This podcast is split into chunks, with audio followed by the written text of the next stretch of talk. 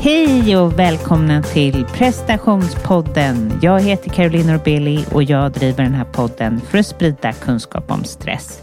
Jag gör också det här för att jag vill ta reda på hur presterar man och mår bra och hur lever man i den här världen och mår bra. Prestationspodden har ett nyhetsbrev som kommer komma ut mer frekvent snart när jag har min nya hemsida uppe.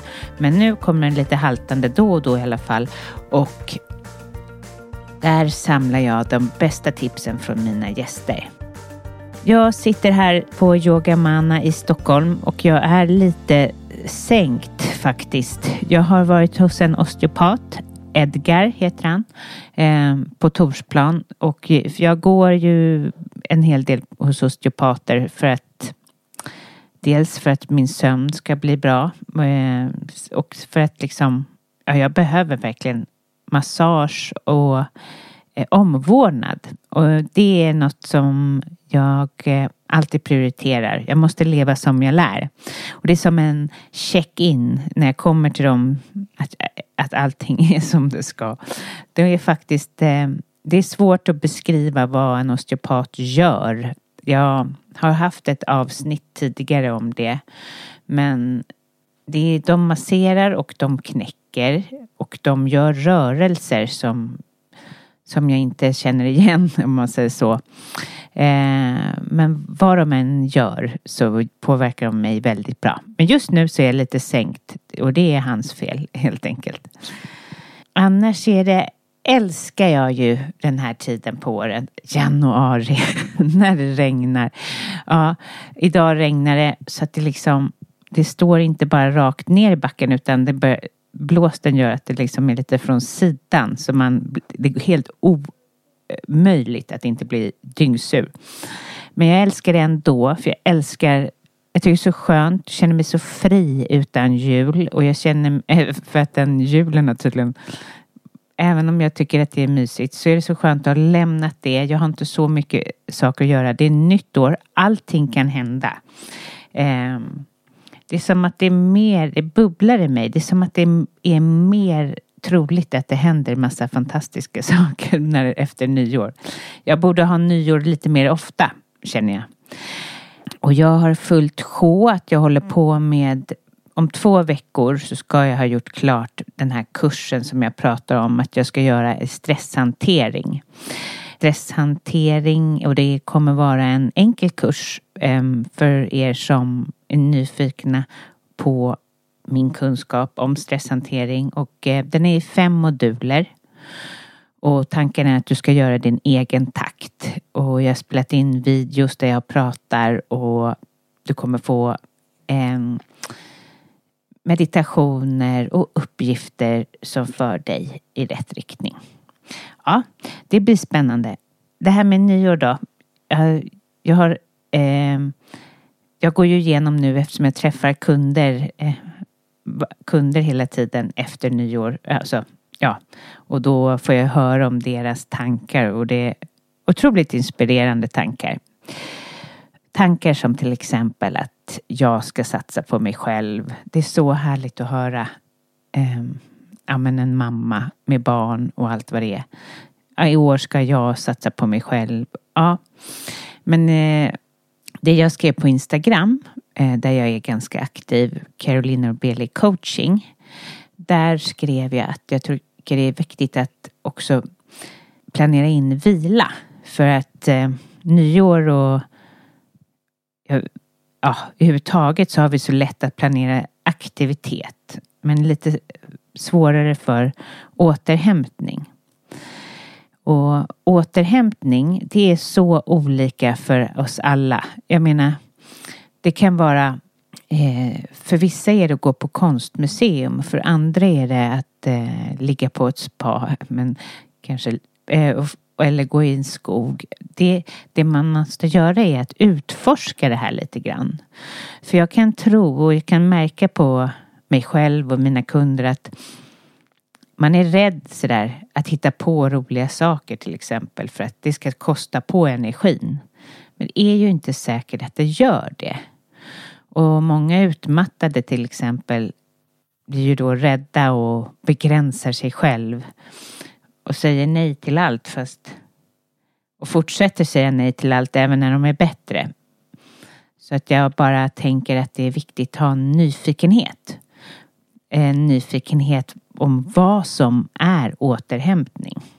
En annan grej som jag fick höra som är så, var så bra eh, är att eh, jag tänker inte hålla mig inom ramen. Det kände jag, jag blir helt lycklig när jag hör det. Att inte hålla sig inom ramen. För den här i Sverige så har vi så starka ramar. Alltså, jag upplever, och det gör du säkert också, att det är också så här, man kan vara hipster, man kan vara yogis, man kan vara det ena eller det andra, men vi är alla ganska lika. Eh, och det är väldigt likriktat och det är väldigt, väldigt egentligen enkelt att gå utanför ramen i Sverige för att ramarna är ganska starka. Men jag tror att det är en stor stress att hålla på och följa den här mallen. Så ja, om du inte har något nyårslöfte och inte vet så tycker jag att inte hålla sig utanför ramen, gud vad skönt. Jag, jag ska ta med mig det själv. Have catch yourself eating the same flavorless dinner three days in a row? Dreaming of something better? Well, hello fresh is your guilt free dream come true baby. It's me, Gigi Palmer. Let's wake up those taste buds with hot, juicy pecan crusted chicken or garlic butter shrimp scampi. Mm. Hello Fresh. Stop dreaming of all the delicious possibilities and dig in at HelloFresh.com. Let's get this dinner party started. Quality sleep is essential. That's why the Sleep Number Smart Bed is designed for your ever evolving sleep needs. Need a bed that's firmer or softer on either side? Helps you sleep at a comfortable temperature? Sleep Number Smart Beds let you individualize your comfort so you sleep better together. JD Power ranks Sleep Number number 1 in customer satisfaction with mattresses purchased in-store. And now, save 50% on the Sleep Number limited edition Smart Bed for a limited time. For JD Power 2023 award information, visit jdpower.com/awards. Only at a Sleep Number store or sleepnumber.com. Ready to pop the question? The jewelers at BlueNile.com have got sparkle down to a science with beautiful lab-grown diamonds worthy of your most brilliant moments. Their lab-grown diamonds are independently graded and guaranteed identical to natural diamonds, and they're ready to ship to your door. Go to BlueNile.com and use promo code LISTEN to get $50 off your purchase of $500 or more. That's code LISTEN at BlueNile.com for $50 off. BlueNile.com code LISTEN. Cool fact a crocodile can't stick out its tongue. Also, you can get health insurance for a month or just under a year in some states. United Healthcare short term insurance plans, underwritten by Golden Rule Insurance Company, offer flexible, budget friendly coverage for you. Learn more at uh1.com.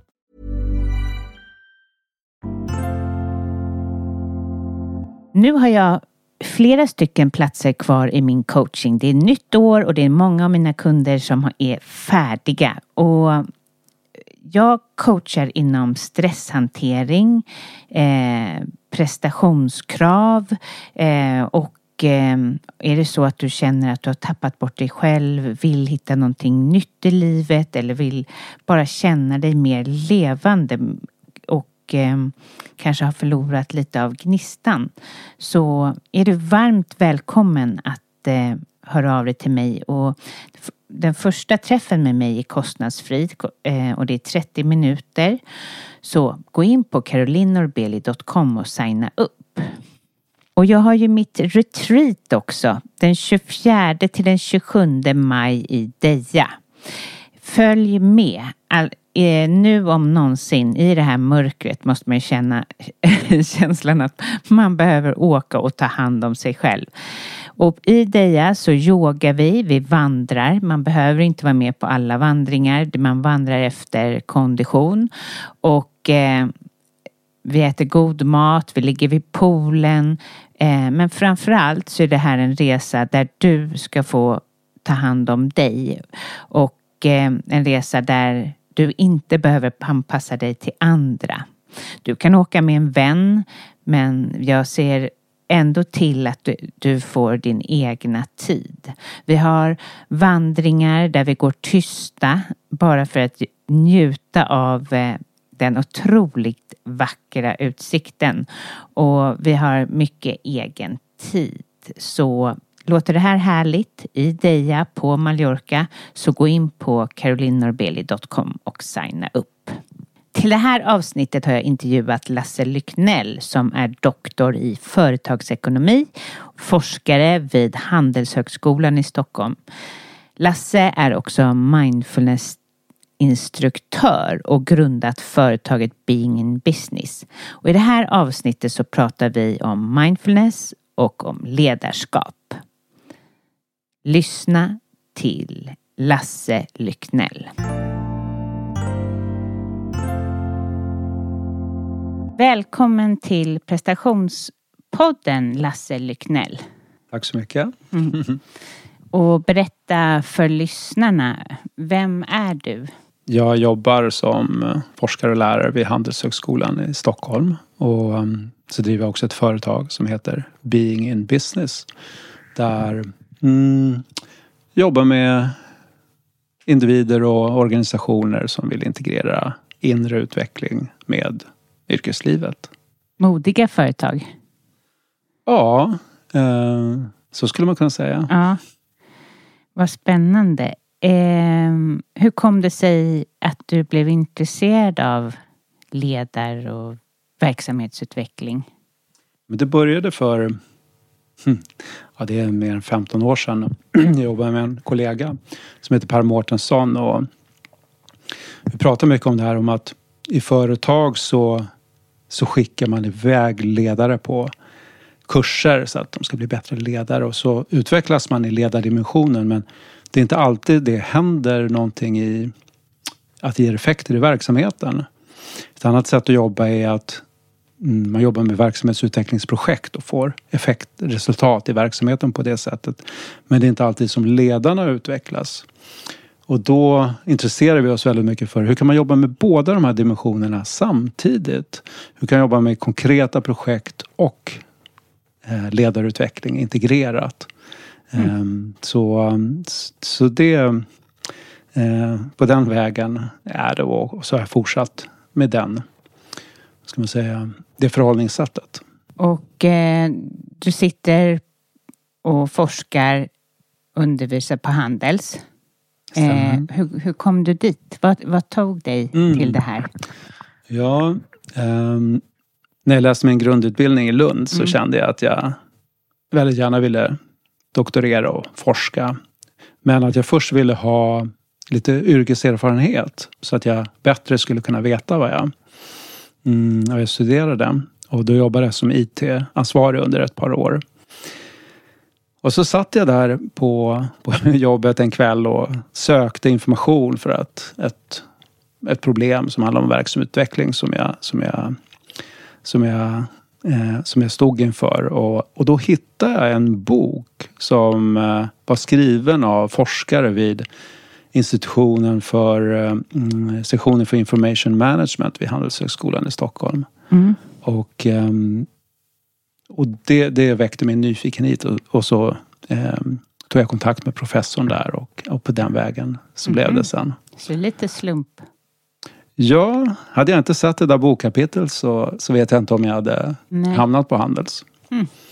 Eh, för att gå forskarutbildningen där. Och, mm. Mm. och om vi håller kvar, vad, berätta lite om din forskning. Jag har under kanske tio år nu intresserat mig för hur ledare integrerar insikter från inre utveckling mm. med sitt yrkesliv. Och då kan man tänka sig att ja, men ledare kanske åker på ett retreat eller eh, är med om en kris så att man, eh, man behöver, vad ska man säga, eh, söker sig till terapi eller andra former av inre utveckling. Um, och, och det kan ju ge mm, Det kan ju ge eh, nya perspektiv. Eh, den som har varit på retreat kanske upplever närvaro, medkänsla, sårbarhet. Och, eh, och sen så kommer man till jobbet och då kanske man upplever det som att det är stress. Ehm, man ska vara rationell och inte visa att man gör några fel. Ehm, och då blir jag nyfiken på så här, hur får man ihop de här sakerna? Och, och hur, kan man, hur kan vi stödja ledare i att så här, integrera mer av det perspektivet som kommer ifrån till exempel meditation med yrkeslivet. Så att man inte behandlar det som två separata spår. Ehm, så jag jobbar 51 veckor på året och så åker jag på Vipassana en vecka. Mm. och sen så jobbar jag på som vanligt igen ett år. Mm. Um, det är mycket forskning som visar att de här kvaliteterna eller kapaciteterna som, som man utvecklar när man jobbar med inre utveckling också är väldigt, um, vad ska jag säga, användbara för många företag. Eh, men även på en, en så global nivå när det gäller att ställa om för klimatförändringar och, och så vidare. Så att det finns mycket att lära där.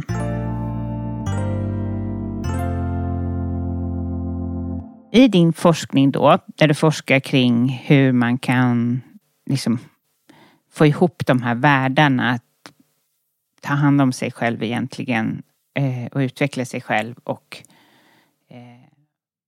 och då arbeta på ett företag och, verksam, och utveckla verksamhet. Har du sett någon, alltså vad har du mm. sett där i din forskning? Mm. Nu är jag eh, framförallt inne på en, en, en artikel som jag håller på, eh, på att skriva, skriva klart. Och, och då kan man se att, att det går som, som i cykler lite grann. Att, att um, I en första cykel så kan det vara att man upplever de här eh, nya insikterna om sig själv, sin, sin, eh, eh, att man kanske inte att man kanske tidigare har agerat mest för att mm, tillgodose andras behov och vara omtyckt och framgångsrik och så. Um, och så upptäcker man att det var inte bara det livet handlade om. Uh, utan um, det finns någonting i mig som vill utvecklas och, och, jag känner att jag har en massa kreativitet. Och, och så, och då, då kan man komma in i en annan cykel där man um, söker andra möjligheter, kanske söker sig till något nytt jobb. Um, ja, men lite som att man mer vill förverkliga sig själv. Um, men jag har också sett att, att det kanske inte heller räcker. Um, utan det kan komma en tredje cykel då. Och då har jag sett i vissa fall att man går tillbaka till det jobb som man hade tidigare. Um, fast med en helt annan attityd. Istället för att mm, vad ska man säga, vilja visa sig framgångsrik och eh, så kanske man undrar så här, hur kan jag bidra? Och jag tror just den kvaliteten kan, ja, men kan man vara... Mm. Jag förstår. Ja, den kan, den kan göra väldigt stor nytta i organisationer. Den kan skapa ett lugn som eh, tar udden av stressen. Och, och i just det här fallet som jag studerar så, så visade den här personen då verkligen hur han under pandemins första faser kunde agera på ett annat sätt än hans kollegor hade förmåga att göra.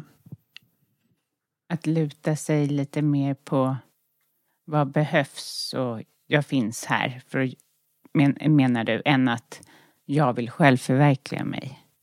Ja men precis, ja. exakt så. Eh, eh, exakt.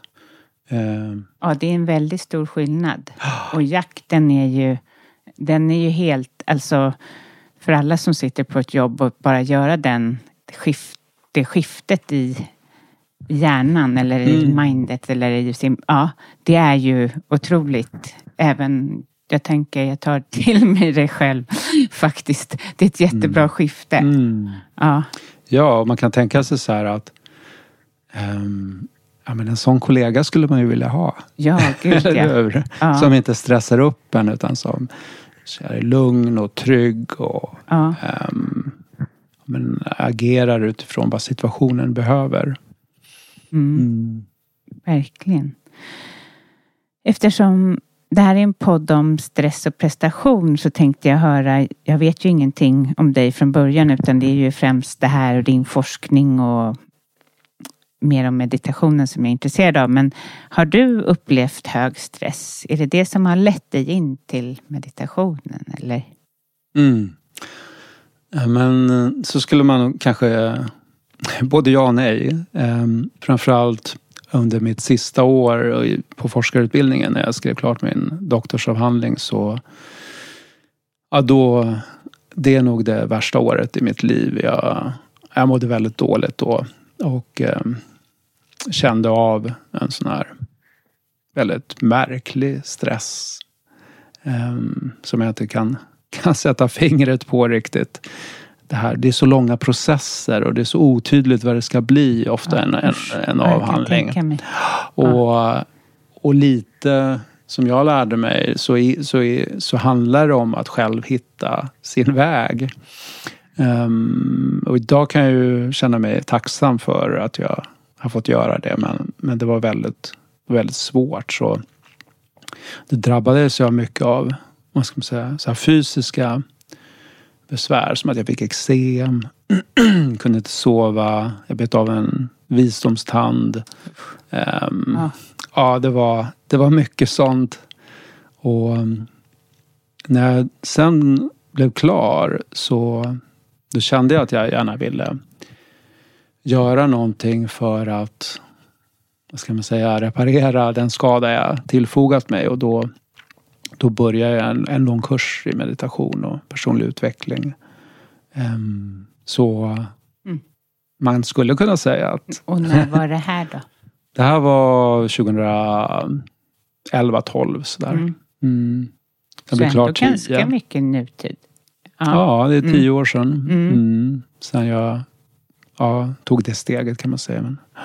Och hur var det då att möta meditationen jag hade ju mediterat tidigare eh, också. Så jag kan inte säga att i modern tid så började jag meditera 2005 redan. Mm. Jag gick inte riktigt in för det riktigt. För att jag tror att jag tänkte att om jag gör det då blir det nog ingen doktorsavhandling. Nej, jag förstår. så jag gjorde klart den. Och, ehm, och sen så gick jag mer intensivt in för meditation. Och jag vet inte. Det, det var lite grann som att det väcktes en stor nyfikenhet på mig själv, på men det jag upptäckte och, och hur meditation kan bidra. Eh, mm. Jag såg hur andra förändrades av det och eh, kanske jag själv lite grann också. Hur mina intressen skiftade. Och, jag tycker det var, det var som en spännande fas som, som startade då. Mm. Um, började intressera mig för nuet på ett annat sätt. Och jag blev väldigt ointresserad av att stressa. Var du rädd då för att tappa fart? Ja. För att det mm. tror jag många är. Um, jag har lite svårt att redogöra för, för det. Men jag känner igen det när du ja, säger det. Ja. Um, I början var jag nog rädd för att tappa fart och då tänkte jag nog att ja, men jag ska både meditera och ha full fart. Uh, men sen var det som att jag blev liksom mer... Jag blev inte, var inte så intresserad av, av full fart utan snarare något som jag försökte undvika. Eh, eftersom jag inte mådde bra av det. Och, eh, och till min stora förvåning så märkte jag ju att, att på något sätt så hade, fick jag ju mer fart för att jag jag skalade bort lite saker som kanske inte var nödvändiga egentligen. Och, och då kunde jag bli mer effektiv och så, så faktum är att jag nog under de åren när jag liksom började meditera eh, var mer produktiv när det gäller forskning än vad jag är nu. ja. ja, jag fattar. Hm. Vad spännande. Eh, men så man kan ju säga alltså att du med dina kunder, dina, de företagen som kommer till dig, eller då är meditation en del av verktygen som... Mm, just det. Ja men precis. Jag, jag tänker inte att jag, de kommer till mig för att jag ska lära ut meditation utan jag lär ut eh, självledarskap och jag gör det inifrån och ut. Och då är meditation ett av de verktygen som, Mm. som jag använder. Ehm, mm, så så att, att det, är ingen, med- det är inga meditationskurser jag gör utan Nej. det är ledarskapskurser. Mm. Men ehm, alltså jag ska inte jag använder tekniker ifrån meditation skulle jag kanske säga. Som hjälper deltagarna att få syn på vissa saker. Ehm, ja, så skulle jag vilja uttrycka det. Jag förstår. Ehm, någonstans så läste jag kring, det här, eh, ah, om jag läste om dig. Ehm, och då fick jag ordet meditativt förhållningssätt. Mm. Vad menar du med det? Mm, just det. Ja, men det, det, ehm, det tycker jag det är centralt för mig. Och, och med det så menar jag den här förmågan att, ehm, att ta ett steg tillbaka och betrakta det som pågår. Snarare än att vara fångad i, i det. Eh, att se sina egna tankar, känslor, eh, behov. Det kan vara till exempel att mm, jag får ett mejl som gör mig upprörd. Och då kan jag liksom med ett meditativt förhållningssätt så kan jag titta på ja, men, vad, är, vad är det för tankar som snurrar runt i mitt huvud? Hur känns det här i mig? Och vad är det för behov som kanske inte är tillgodosedda i den här situationen? Ehm, och när jag skapat det där lilla utrymmet, det där mellanrummet, så då har jag lite, då har jag oftast lite bättre eh, förutsättningar att svara. Så det meditativ, den meditativa attityden är just det här att liksom ta ett steg tillbaka och betrakta utan att döma eller reagera. Inte reagera så starkt. Ja, eller reagera överhuvudtaget. Utan jag kanske skulle säga att, att titta på sina reaktioner. Mm, Eh, alltså det beror ju på vad man, vad man menar men mm, ja, titta på hur min, vad gör min organism egentligen? Så här, med lite nyfikenhet. Sen kan jag välja att svara. Men jag kan tänka mig eh, dels förmodligen de du träffar som kunder men också kanske på Handels. Finns det ju många som har en hög eh, stora prestationskrav. Mm. Tycker du meditation kan hjälpa i det? Är meditation bra för människor som har det helt Mm. enkelt? Vänder jag på det. Svårt att säga. Eh, om jag tänker på mig själv så det tar av topparna lite grann och, och gör mig lite mjukare när det gäller prestation sådär. Ehm, när jag jobbar med, jag jobbar ju ofta med chefer som har väldigt höga krav på sig. Och, och det jag märker är att, att de ofta tycker att det är väldigt skönt med meditation. Att, att kunna vila i det. Um, Sen finns det andra som, som, eh, som mer använder meditation som så här. Ja, men om jag mediterar tio minuter idag, då kan jag prestera ännu bättre. Ja. Så det blir liksom ehm, ja, det, det blir en liten annan användning av meditation där. Och jag tänker inte att det, att det är fel. Så, men men det, det är annorlunda. Men hur mottar de, eller brukar det mottas bra meditation? Nu har det börjat, meditation har ju blivit mer kanske vedertaget. Eller jag lever nog i en bubbla där människor mediterar och ja, jag jobbar ju på en yogastudio och så. Men jag tänker att fler och fler människor gör det. Headspace tuffar på och så. Men hur tar företagen emot det? Blir de skeptiska? Alltså, när jag jobbar med, med grupper i, i företag så ehm, då jobbar jag ju inte med meditation. Nej. Utan jag gör övningar mm, som bygger på tekniker som är hämtade från meditation. Och de har ju ett syfte som kopplar till deras jobb och deras verksamhet. Så, så för mig så upplever jag aldrig liksom att det är ehm, att det är rätt logiskt sådär, att de övningarna vi gör. Ehm, studenterna på, på Handels så väldigt många har mediterat innan de Mm. så här, kommer på, på mina seminarier. Det är ändå härligt att det är så. Det är jättestor skillnad jämfört med för tio år tio sedan. år sedan, ja. ja. Ja. exakt. Jättestor skillnad är det. Då var ju det något lite konstigt ändå. Ja, Ja. så var det.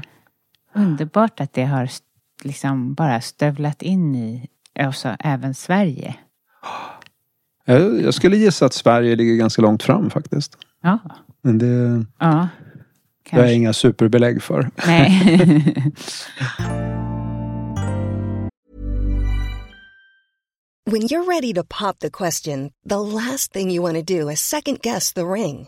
At Bluenile.com, you can design a one of a kind ring with the ease and convenience of shopping online. Choose your diamond and setting. When you find the one, you'll get it delivered right to your door. Go to Bluenile.com and use promo code LISTEN to get $50 off your purchase of $500 or more. That's code LISTEN at Bluenile.com for $50 off your purchase. Bluenile.com code LISTEN. Hiring for your small business? If you're not looking for professionals on LinkedIn, you're looking in the wrong place. That's like looking for your car keys in a fish tank. LinkedIn helps you hire professionals you can't find anywhere else, even those who aren't actively searching for a new job but might be open to the perfect role. In a given month, over 70% of LinkedIn users don't even visit other leading job sites. So start looking in the right place. With LinkedIn, you can hire professionals like a professional. Post your free job on linkedin.com/people slash people today. Hold up. What was that? Boring. No flavor. That was as bad as those leftovers you ate all week. Kiki Palmer here, and it's time to say hello to something fresh and guilt-free. Hello Fresh. Jazz up dinner with pecan-crusted chicken or garlic butter shrimp scampi. Now that's music to my mouth. Hello Fresh. Let's get this dinner party started. Discover all the delicious possibilities at hellofresh.com.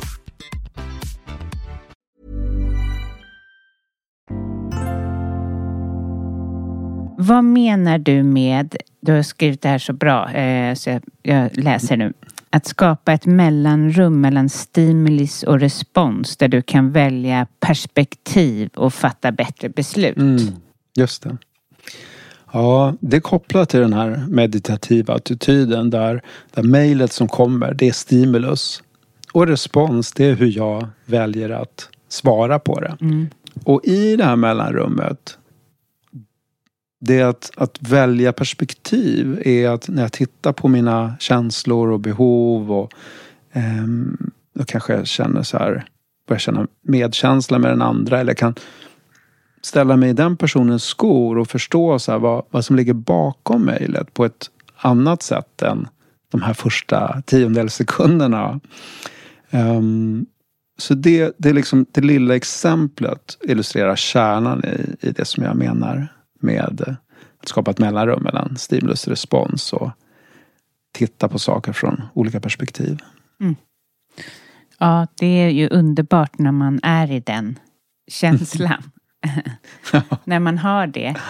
det är ju, då kan man ju lite också luta sig mot allt. Mot tillit, mot... Alltså man är inte rädd. Alltså man är Mm. i huvudtaget inte rädd när man är i den, i den känslan. Man behöver inte ha kontroll. Man, ja, Mm. det är underbart. Ja, precis. Och där sätter du fingret på det som många ledare upplever när de jobbar med inre utveckling. Att man kommer i kontakt med de där förmågorna eller aspekterna av att vara. Och, och så frågan är då hur, hur kan man hur kan man liksom ta med sig lite mer av det in i sitt yrkesliv? Och in i organisationen. Och jag, jag menar ju förstås inte att det ska ersätta allt annat som man gör. Nej. Men det är det här med både och. Mm. Jag tycker det är fint. Ja, väldigt. Mm. Ja. Och, och när vi ändå är det här. ehm, jag har läst, jag vet inte om det är hundraprocentigt, det kanske du vet mer om. Alltså att otydliga ledare, eh, det, eftersom jag jobbar med utmatt, eh, eller inte med ut, eller hela podden startades på grund av utmattning och att vi vill sprida, eller jag startade med en kille som heter Per och vi ville sprida kunskap om utmattning främst. Men vi valde namnet prestationspodden för han tyckte att vi skulle nå sådana som presterade. Ja, och det tror jag vi lyckas ganska bra med. Men eh, då är det i alla fall så här att eh, eh, otydliga ledare tenderar att inte bränna ut, för det är ju fel, men det är eget ansvar. Men att människor som jobbar och har en ledare som är otydlig kan gå in i väggen lättare. Mm. Att det är... Har du, har du läst någonting om det själv? Nej, jag Nej. är...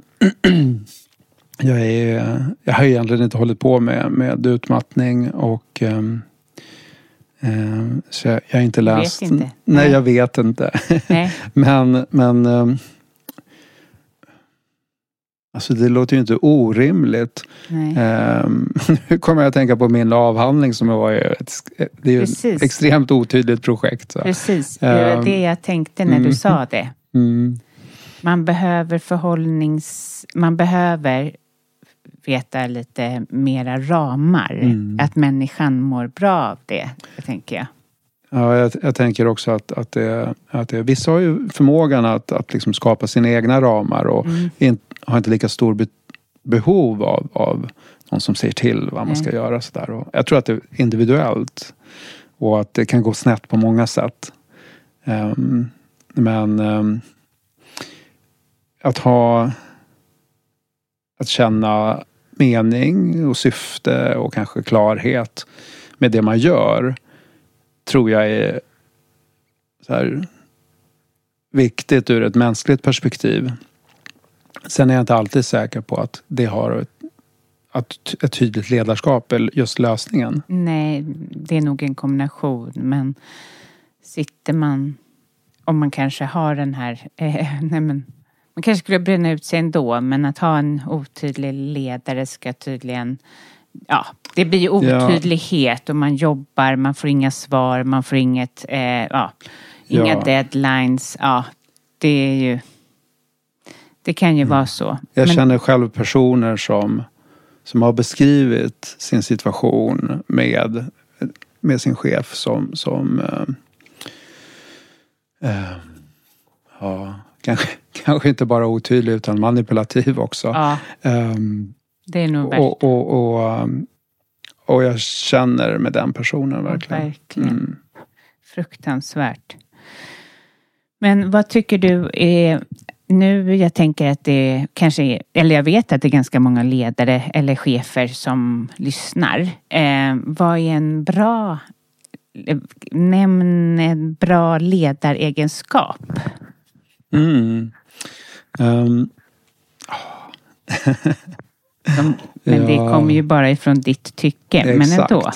En egenskap som jag själv eh, uppskattar oerhört mycket är autenticitet. Ja. Det, med det menar jag den här känslan av att det en person säger och gör är djupt förankrat i den själv.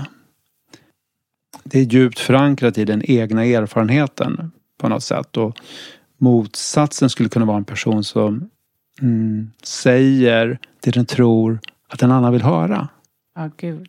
Ja, men, ja. Läskigt, men det har man kanske gjort på, i början av sin karriär. Det kanske ja. händer fortfarande, vem vet. Ja. men, men eftersom allting kommunicerar så, så läcker ju de där underliggande outtalade budskapen um, igenom. Och det är möjligt att det skulle kunna koppla till det vi pratade om tidigare med, med otydlighet i, i ledarskap. Så autenticitet, det, ja. det är någonting som är så här... Jag blir varm när jag hör en person som talar från djupet av sin erfarenhet och, och det känns så här sant. Ja. Härligt. Men är det ofta du träffar sådana? Um, det, det, är väl, det är ganska sällsynt att jag träffar de här personerna som verkligen sticker ut i det. Mm. Um, jag kommer ihåg att jag var på en, en konferens i, i Berlin en gång och då fanns det en, en um, person som heter Aftab Omer från Meridian University i USA där. Och han gjorde stort intryck på mig för det var som att, att varje ord han sa var viktigt. Mm. Vad härligt. Mm. Ja, det är helt underbart att bli så lite blown away av någon. Mm. Upp, ja. Men det måste väl ändå egentligen vara, utan att vi vet det, en strävan. Alltså, vem vill inte vara sig själv till fullo? Alltså önskar. Mm. Men så går vi den omvägen bort från det på något sätt. Jag tror att vi vill må- många olika saker. Och att de inte alltid är så här förenliga eller Nej, precis. stödjer varandra. Och, Ja. ja. Den här framgången kanske inte stödjer den här äktheten. Eller, ja. Nej, man, man kanske i alla fall tänker att den inte gör det. Ja, eller precis. inte på det sätt som man hade tänkt sig att, det, Mm, att livet skulle veckla ut sig på. mm. Ja, jag tror att eh, om människor jobbade mer på att vara sig själva även på, det är inte bara ledare utan så självklart alla, så skulle vi ha mindre utmattningar. För att det är ju utmattande att inte vara sig själv. Att ha massa roller som man ska Mm. hålla på med. Ja, ja det tänker jag.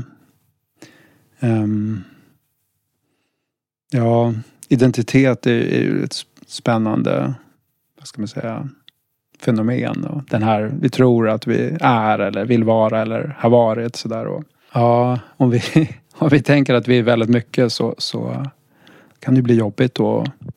För, för på något sätt så måste vi ju, mm, vad ska man säga, uttrycka och leda den här identiteten i, i bevis. Att det, det liksom vi kan se att vi, vi är ju den Jag här. är framgångsrik. Det går bra. Ja. Ja. Ja. Så um, ja, ja. det tycker jag att jag att meditationen och, och allt annat jag hållit på med har hjälpt mig att, att släppa en del på.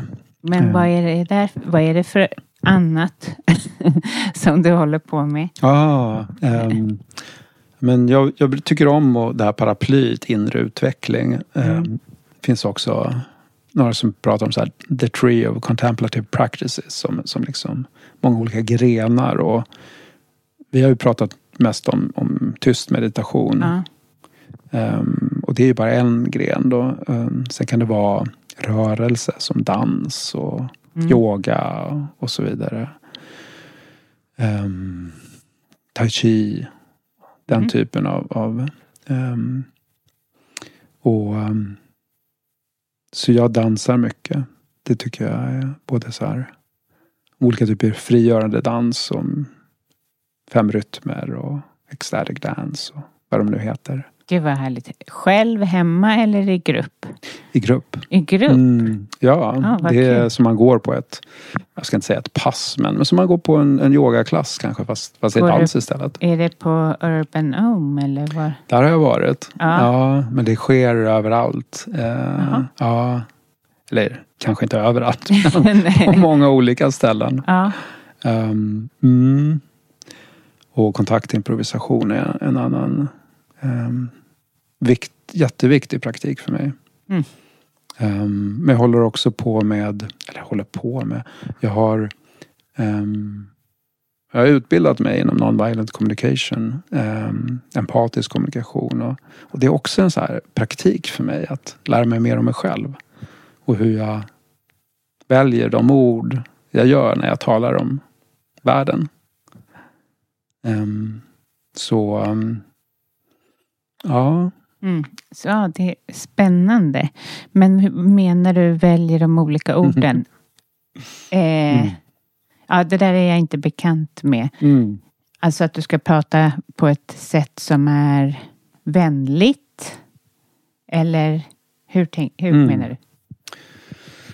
ja men för att ta ett exempel så ibland använder vi oss, vi säger så här, jag måste göra det här. Och då är jag lite otydlig. Ehm, det är som att vad då måste? Vad händer om jag inte skulle göra det? Ja. Det är som att vi, vi pratar om Jag pratar om min egen situation på ett sätt som Som liksom stänger igen och tillskriver så här, mitt eget beslut att göra det här Mm. till någon sån här vag makt. Att säga, jag måste göra det här. Men det är ju inte sant, utan jag väljer ju att göra Ja. det. Och jag måste, det säger man ju alltid. Ja, men tycker du jag vill är bättre då? Eller? Eh, Det tycker jag är ett, ett steg i, i Rätt rätt rikt- riktning. ja. Och sen så kan jag till och med utveckla så här, varför jag vill göra det. Ja. Ja. Vad det, vad det så här, tillgodoser för behov för mig. ja, men det är sant. För att efteråt här så måste jag, ner, måste jag gå ner och köpa kläder åt mitt barn. Och det, det känns ju som ett måste. Det är mörkt, det är rakt genom Humlegården.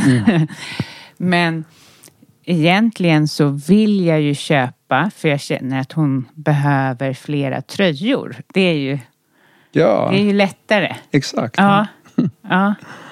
Ah, Så där väljer vi liksom de ord vi pratar om. det är- superviktigt. Ja. För det, är an, det andra är ju eh, mörkt och hårt. Jag måste. Man får så krav och Mm. det är nästan ont igen. Och det andra är ju kärlek på något sätt. Så här, jag, jag ska gå, alltså jag, jag, behöver, jag går ner till Sarah och köper en tröja till min dotter för att hon ska vara varm. Eller? Mm. Ja, Ja. ja men det, det är mycket skönare att agera utifrån den platsen. Ja. Mm.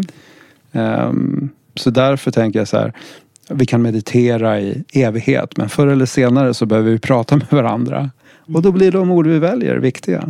Ja, när jag läste om dig också så dök ordet självorganisering upp. Vad är det för någonting? Jag vet att det inte är din specialitet, men jag blev ändå intresserad. Just det. Det är inte min specialitet. men som organisationsforskare så har jag ändå lite koll. Ja, Och det är väl ett fenomen som, som jag känner till det så blev det populärt på 70-talet i demokratiseringsprocesser och tror man inom svensk industri använder det mycket. Och då bygger det liksom på att fånga upp initiativ eh, underifrån eller från golvet så. Och, eh, och liksom låta dem, eh, de som jobbar med det det handlar om, eh, också organisera sitt, sitt eget arbete.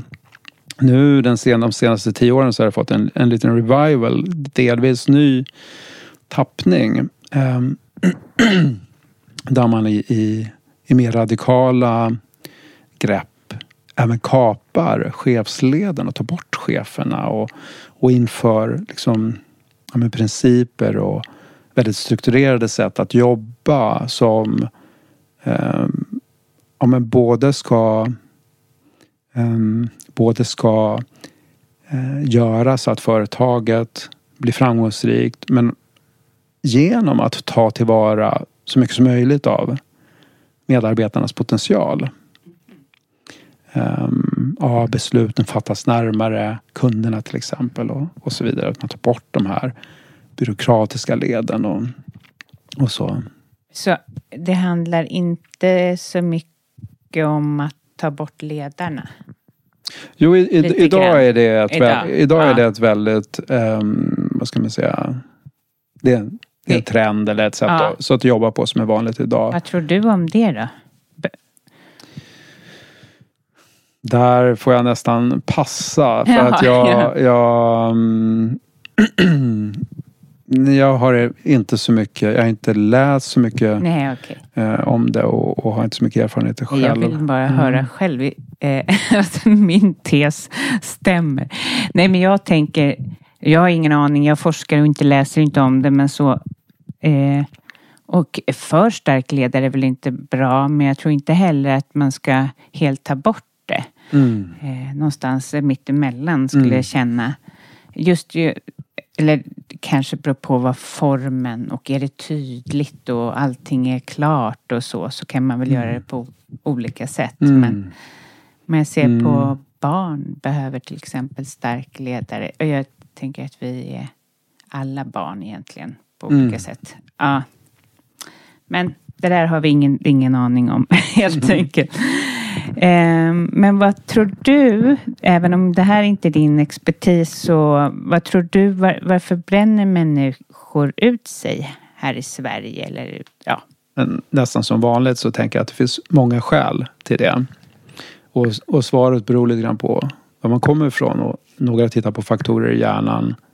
Andra på sociala och kulturella aspekter eh, i organisationer. Och en del tänker kanske att det har någonting med så här strukturer i samhället att göra. Um, och jag tror svaret finns lite grann på alla de här ställena.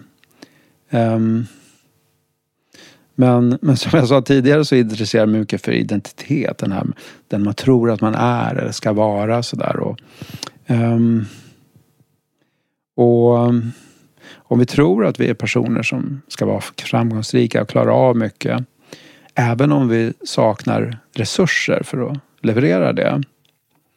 Ehm, då kan det vara så att man, man liksom alla de här varningsflaggorna ser man istället som eh, möjligheter att bevisa att man är den här personen. Ehm, och så har man dessutom en chef som, ska man säga, som är lagd åt samma håll så, så kommer den att applådera det här. Det är ju någonting som, som vi så här i samhället tycker är bra. Mm. Um, så, så det är liksom, det är som att det, det lätt kan bli fällor som, som, man, som, man, som man faller i. Um, ja, jag tycker att det är jättesvårt att, att säga vad jag tror att det beror på egentligen. Men det kan vara som att livet, man växer upp, man får beröm för ett visst typ av sätt och så går man den vägen lite grann. Förstår du? Vinnande sätt till exempel. Jag är duktig, jag presterar. Mm. Ja. Och så får man ett jobb och där hamnar man under en chef som älskar att man är duktig mm. och presterar och inte säger nej. Mm. Och så gör man det tills man har bränt ut sig och få lära om. Ja. Jag tror att det, att det kan vara många som kan känna sig igen sig på den ja. beskrivningen. Och just det här med att man tidigt i livet hittar ett framgångsrecept som man, mm. som man applicerar. Mm. Eh, tills det inte går bra längre och då fortsätter man med det. Mm. Eh, det här med att be om hjälp. Eh, att eh, acceptera misstag och tillkortakommanden och så. Det, det, tror jag är saker som kan så här balansera lite grann. Mm. Ja, misstag är ju något som vi inte är, är vana vid att acceptera utan eh, det är sällan sådär jättelätt att göra misstag i organisationer. Alltså vi, det är någonting läskigt.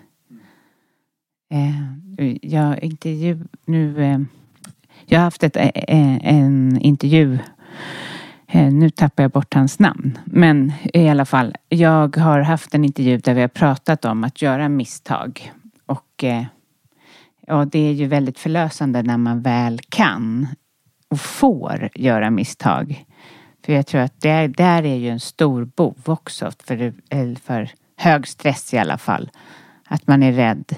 För att det inte finns ett klimat där man bara jaha, här blev det fel och så gör vi, så gör vi om. Mm. Eller, ja. Ja, men det, kan, det, du kanske tänker på är det här begreppet psykologisk trygghet som är, har varit ganska populärt nu mm. ett tag. Där finns ju faktiskt mycket forskning också som visar att, att psykologisk trygghet, det vill säga den här känslan av att om jag gör fel så kommer jag inte bestraffas. Att man känner sig trygg i det. Eh, att, den, att psykologisk trygghet kopplar till hur vi delar information i organisationer, hur vi kommer med eh, förbättringsförslag och, och, och, så vidare. Så, um, mm, så, så, det verkar ligga någonting i. Mm. Mm. Ja men verkligen. När du jobbar med eh, ledare och så, jobbar ni någonting med själva deras stress och gruppens stress eller organisationen? Hur? Jag jobbar inte specifikt med stress. Däremot är det väldigt många som upplever att de blir mindre stressade efter att ha jobbat med mig. Ja, um, ja. jag tänker mig. Mm, till och med, jag kan till och med så här, på ett seminarium på, med studenter på Handels så kan jag ibland göra en liten så här utcheckning. Så här hur de känner sig och då är de lugna. Trots att vi har haft ett tre timmars scenarium. Um, och då har vi inte mediterat. Men jag vet inte. Det kanske är som att, att det finns något i mitt förhållningssätt som smittar av sig lite grann. Jag har stött på i olika intervjuer och igen, att det är främst relationer som bränner ut oss. Det är vissa som påstår det. Håller du med om det? Jag har inte tänkt på det sättet men um, vill du berätta lite mer vad du, Nej, men vad du menar? Eh, just när det gäller eh, Alltså för, förut med utmattning och med hög stress så kanske man tänker sig oj, den hade så mycket att göra, så många uppgifter. Men det är inte det som är egentligen det ut, utbrännande, säger många. Eh, utan det är alltså känslor bränner ut mer än någonting annat. Och eh, när man då har till exempel en jobbig chef eller en jobbig kollega så är det det som eh, triggar oss. Mm. Mer än att oj, jag har eh, hundra mejl i min mejlkorg. Eh, det är det som jag undrar om du Mm, Just har. det, ja men då förstår jag. Ja, jag tänker att, att personer eh, Våra relationer till personer har en förmåga att eh, Att eh, skapa många starka känslor. Både sköna och positiva och osköna negativa känslor. Så um, det, låter, det låter rimligt att, att det spelar stor roll i, i, um, i hur vi mår och, och, och så. Ja. Ja. Och det absolut svåraste att jobba med. Eh, så. Alltså för att vi har de här relationerna där och vi har inte lärt oss kanske gränssättning och det som behövs för att skydda oss själva mot, mot relationer. Och vissa är, relationer är så starka så det knappt går om man säger så. Men, eh, men egentligen tycker jag någonting som man borde jobba mer på. För det är Ja. också så här när man när någon mattar ut sig, då kommer den tillbaka sen till samma kontor, till samma människor.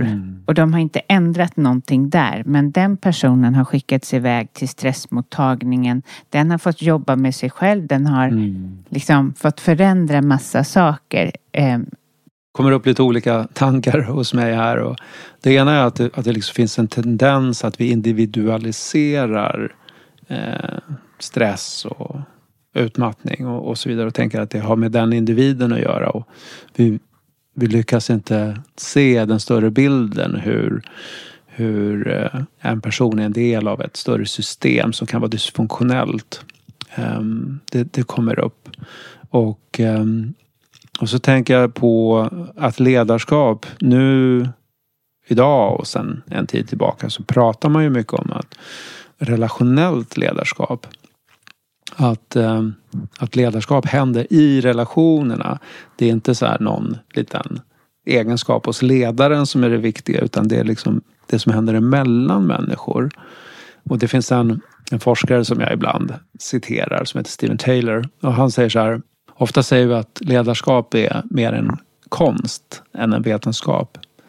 Om vi ska ta det på allvar då behöver vi också fråga vad är materialet i ledarskapets konst? Vad är det för material som ledaren jobbar med? Som glasblåsaren jobbar med glas och drejaren med lera och så vidare. Och, och han menar att det är kontakt. Kontakt Just det. är materialet i ledarskapets konst. mm, Eh, och det sätter fingret mycket på, på um, ja men vi är inte liksom isolerade öar utan, utan vi hänger ihop och en ledares uppgift är att, att jobba med den här kontakten. Ja. Och det krävs väldigt, krä- alltså ändå, det krävs en stark person att kunna ha den här kontakten, alltså med människor. Eh, Faktiskt. Så det är ju ett väldigt krävande jobb om man ska göra det bra. Så är det. Och jag tänker också så här att kontakt, det är ju det är någonting som händer mellan individer. Det handlar inte om den ena eller den andra individen. Nej. Men för att kunna ha en genuin kontakt så behöver jag också vara i kontakt med mig själv. Mm. För vem är annars den andra personen i kontakt med? Mm. Ja men precis. Ja men gud vad bra sagt.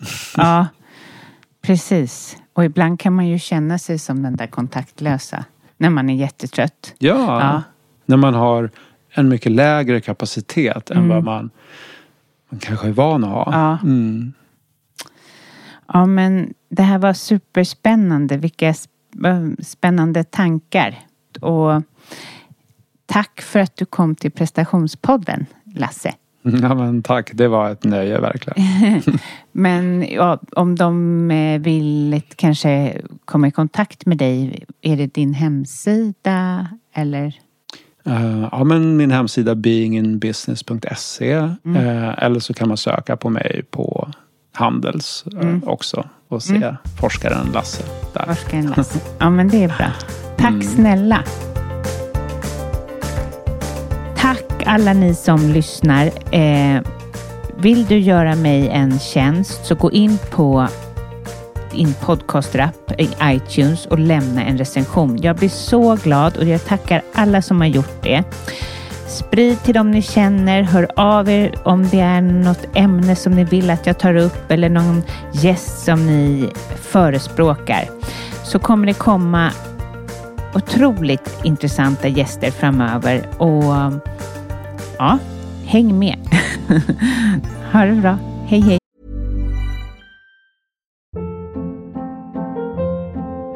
Hold up. What was that? Boring. No flavor. That was as bad as those leftovers you ate all week. Kiki Palmer here, and it's time to say hello to something fresh and guilt-free. Hello Fresh. Jazz up dinner with pecan-crusted chicken or garlic butter shrimp scampi. Now that's music to my mouth. Hello Fresh. Let's get this dinner party started. Discover all the delicious possibilities at hellofresh.com.